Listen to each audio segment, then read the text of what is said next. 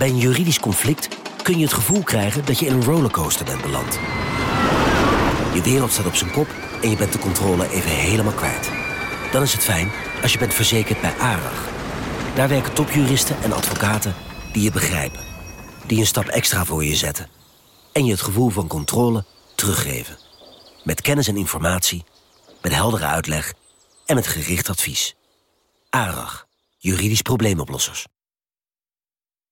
Nieuw Aquarius Red Peach Zero Sugar. Met zijn heerlijke frisse persiksmaak zonder suiker draagt Aquarius bij tot jouw dagelijkse hydratatie en helpt zo mee om je vochtbalans op peil te houden tijdens alledaagse actieve momenten. Thuis, op het werk of onderweg. Ook verkrijgbaar in smaken lemon en orange. Probeer hem nu.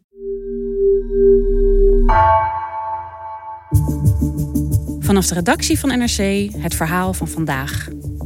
Mijn naam is Geertje Tunter.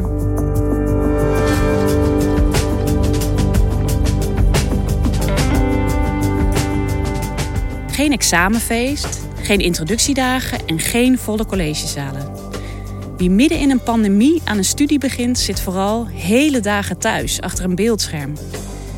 NRC-redacteur Carlijn Vis volgde acht jongeren bij hun overgang van de middelbare school naar het studentenleven en ziet welke gevolgen deze manier van studeren voor hen heeft.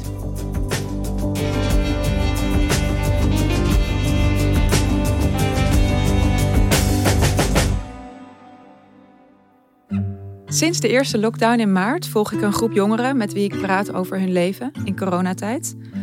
En twee van hen zijn Daan en Jolien. Jolien is 18, zij komt uit Zevenbergen en is in september begonnen aan de zorgopleiding van Defensie in Enschede.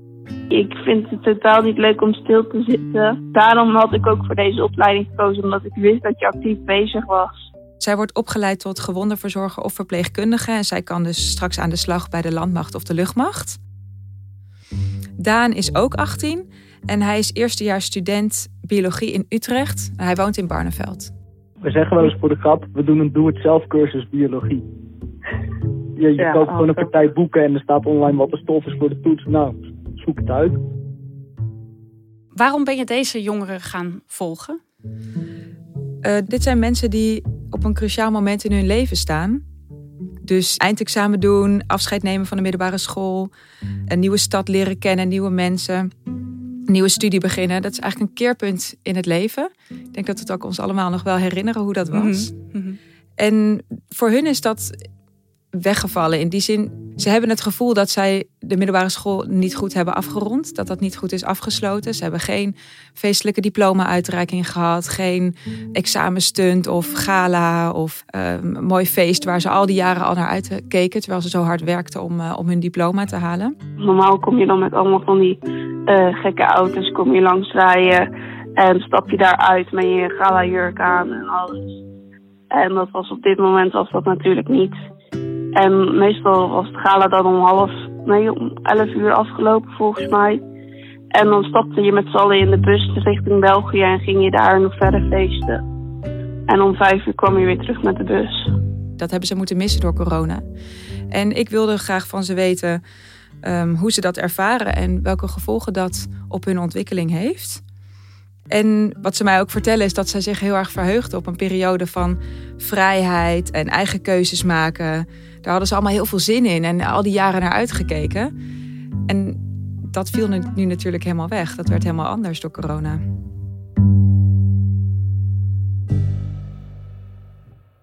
Ik herinner me mijn eigen studietijd ook nog wel. Zo'n introductieweek, dat je dan zo de hele stad doorfietst en allemaal medestudenten leert kennen. En eh, er werd ook wel veel gedronken, moet ik ook wel eerlijk over zijn. Voor deze jongeren was het natuurlijk heel anders dit jaar. Hoe begon hun studie? Ja, voor de lichting eh, 2020 begint het eh, studentenleven heel anders. Alle lessen zijn online. In september waren er geen kennismakingsweken. Er zijn geen eh, live colleges in de collegezaal met honderden studenten. Geen ontgroening, geen rondleidingen van de studentenverenigingen. Geen wandelingen door een nieuwe stad. Sommigen zijn zelfs thuis blijven wonen omdat ze zoiets hadden van... eh, dit is geen goed moment om op kamers te gaan.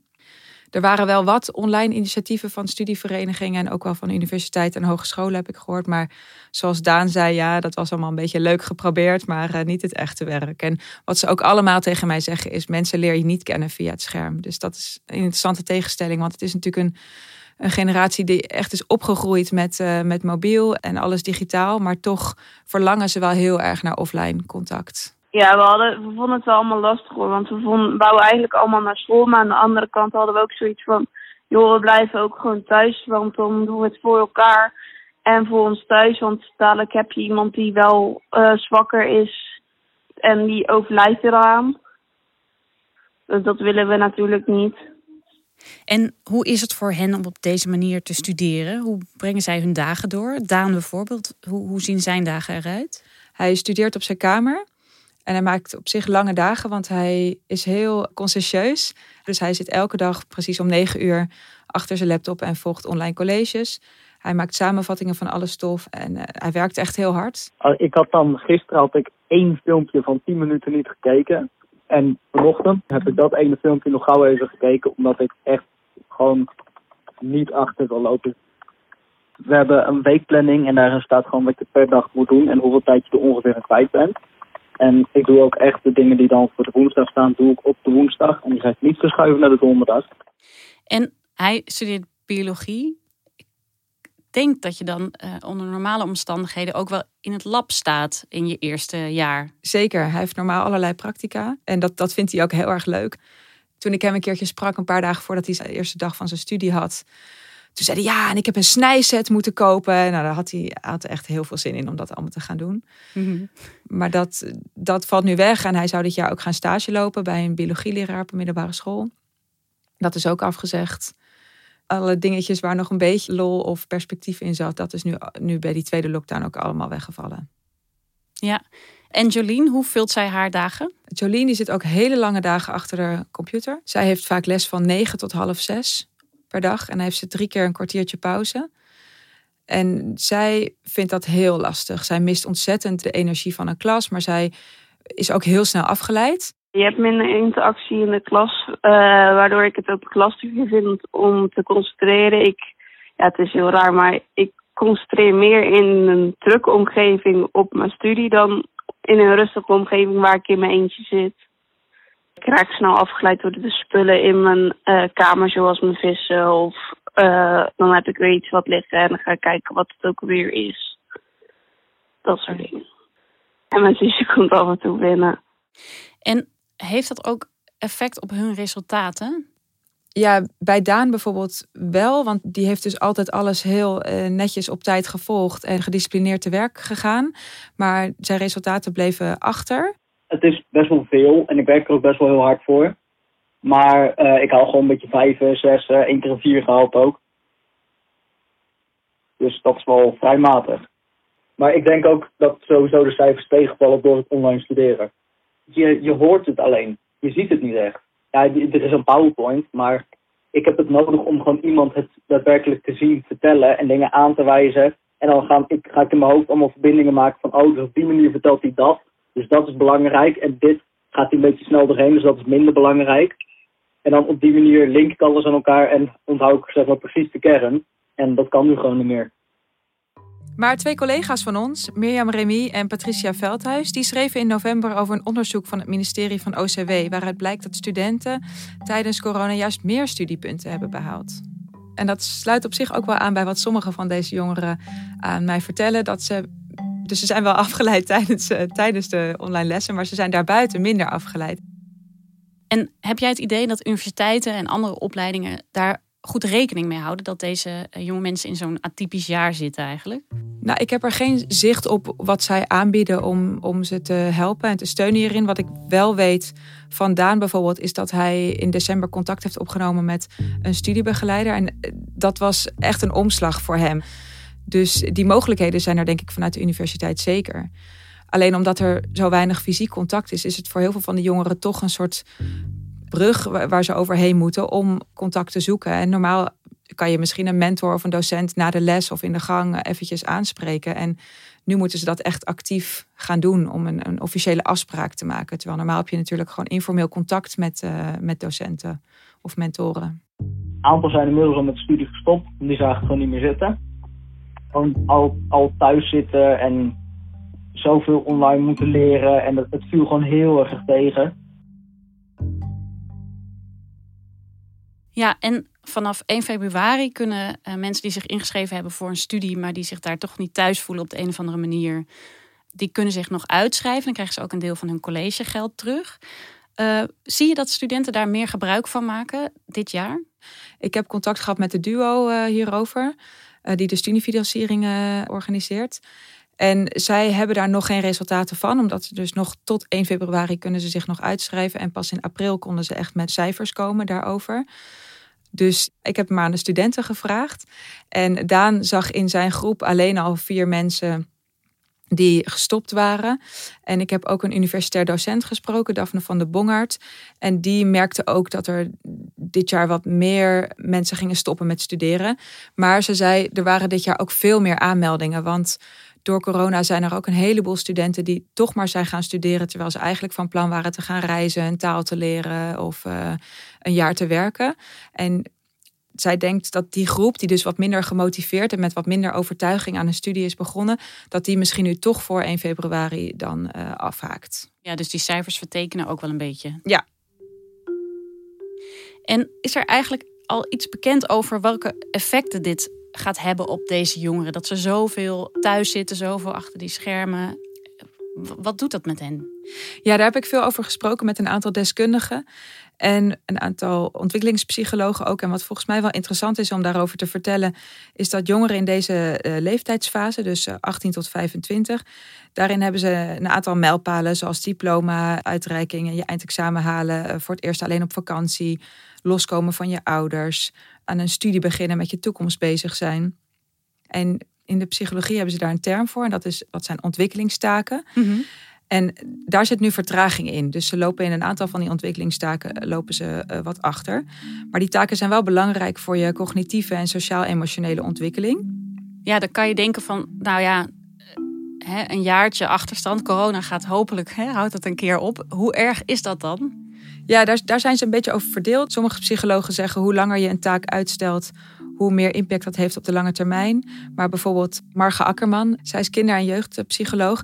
En zij zegt, hier staat acht jaar voor. En één jaar of misschien straks anderhalf of twee jaar, dat ligt een beetje aan het vaccineren natuurlijk. Dat maakt niet zo heel veel uit. Dan hebben ze dus nog zes of zeven jaar om die taken wel af te vinken, om het zo maar te zeggen. Ja, dus nog acht jaar om, uh, of zeven jaar inderdaad in dit geval, om bijvoorbeeld een beetje los te komen van je ouders of over je toekomst na te gaan denken. Dat, dat zou ook nog wel moeten lukken, zegt zij. Ja, precies. Maar dat gaat over hun ontwikkeling op de lange termijn. Maar op de korte termijn weten we in ieder geval wel dat het coronaleven negatieve gevolgen heeft op hun mentale gezondheid.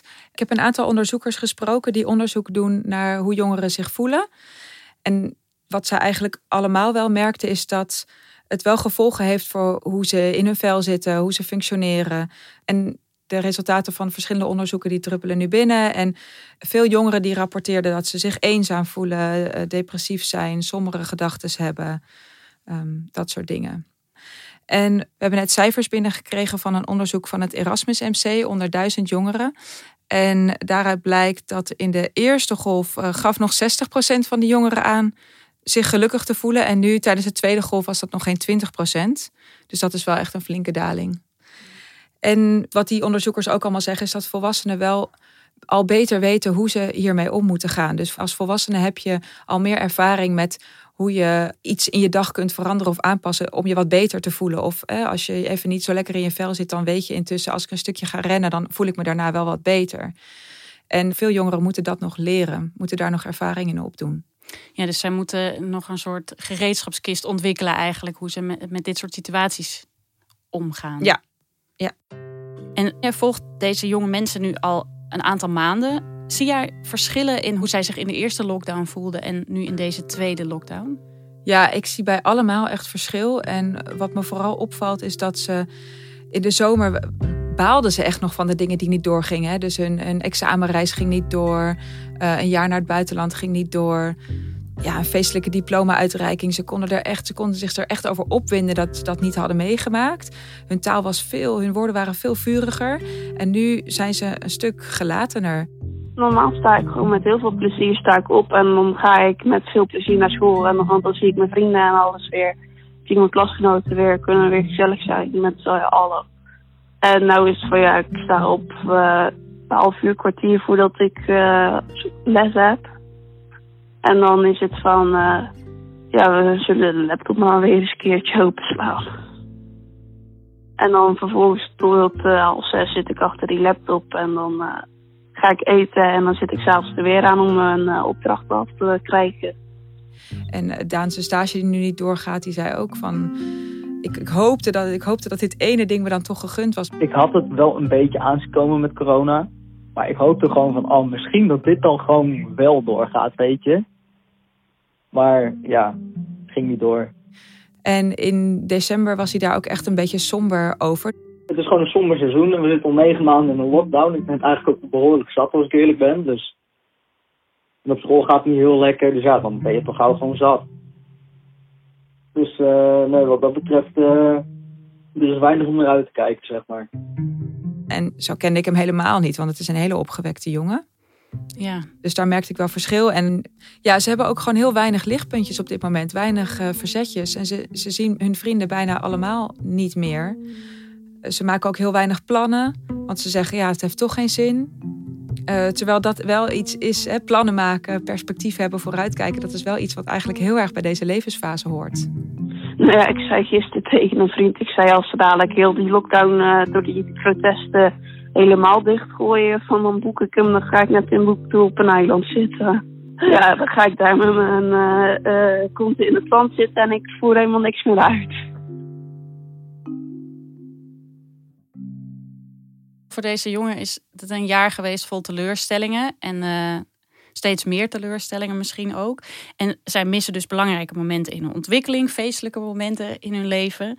Is er manier voor hen om hiermee om te gaan, om hun leven toch een beetje op de rit te krijgen?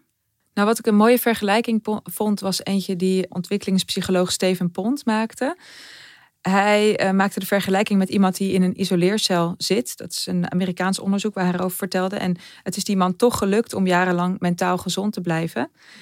En dat kwam omdat hij zeg maar, binnen die kaders van de isoleercel had besloten om de regie over zijn eigen leven te nemen. Dus hij besloot dat hij elke dag om zeven uur bijvoorbeeld ging, een uurtje een boek ging lezen, om acht uur ging ontbijten, om negen uur ging sporten. Allemaal in op die paar vierkante meter. Maar hij maakte zijn eigen dagprogramma en hij besloot dus zelf wat hij ging doen. En uh, dat is iets wat, verschillende psychologen ook zeggen van bedenk waarbij je binnen de kaders van de coronamaatregelen toch controle over kunt hebben. En gekke vraag misschien, want we hebben het alleen maar over uh, uh, negatieve effecten gehad. Maar zien zij ook nog lichtpuntjes? Zien zij misschien ook dat corona, dit coronajaar ergens nog goed voor is geweest? Ja, zeker. Dat, dat vind ik ook heel leuk aan als ik ze spreek. Dat ze ook nog dat, dat soort dingen zich wel realiseren. Uh, Daan heeft bijvoorbeeld, die luncht al maandenlang elke maandag met zijn vader. Zijn vader werkt normaal in Arnhem en hij zou normaal in Utrecht de hele dag op school zitten. En dan gaan wij gewoon gezellig tussen de middag met z'n tweetjes eten. Dan maken we even soep en dan uh, broodje erbij. Hond krijgt ook een broodje. En dan zijn ze echt met z'n tweeën aan het praten. En dat, hij zegt ook dat hij dat heel graag erin wil houden na coronatijd. Wat hij ook zegt is dat hij, hij is ook wel dankbaar. Als er één iets is wat ik overhoud aan dit coronajaar, dan is het wel dat ik echt maximaal stressbestendig ben. En dat geeft ook wel vertrouwen voor de rest, voor de komende, voor de komende drie, vier jaar. Ik weet nu gewoon, als ik dit jaar haal, dan hoef ik me echt niet zorgen te maken om de rest van de studie. Ja, laten we het hopen. En um, jij blijft ze ook nog volgen, deze mensen? Ja, zeker. Oké, okay. nou dan uh, hopen wij uh, ook nog wat van ze te horen dit jaar.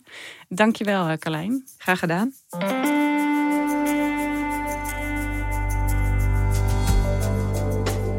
Je luisterde naar Vandaag, een podcast van NRC. Eén verhaal, elke dag. Ken je onze NRC Audio-app trouwens al? Hierin luister je niet alleen naar vandaag, maar helpen we je ook andere podcasts te ontdekken. Deze aflevering werd gemaakt door Anna Korterink en Ruben Pest. Chef van de audioredactie is Anne Moraal. Dit was vandaag.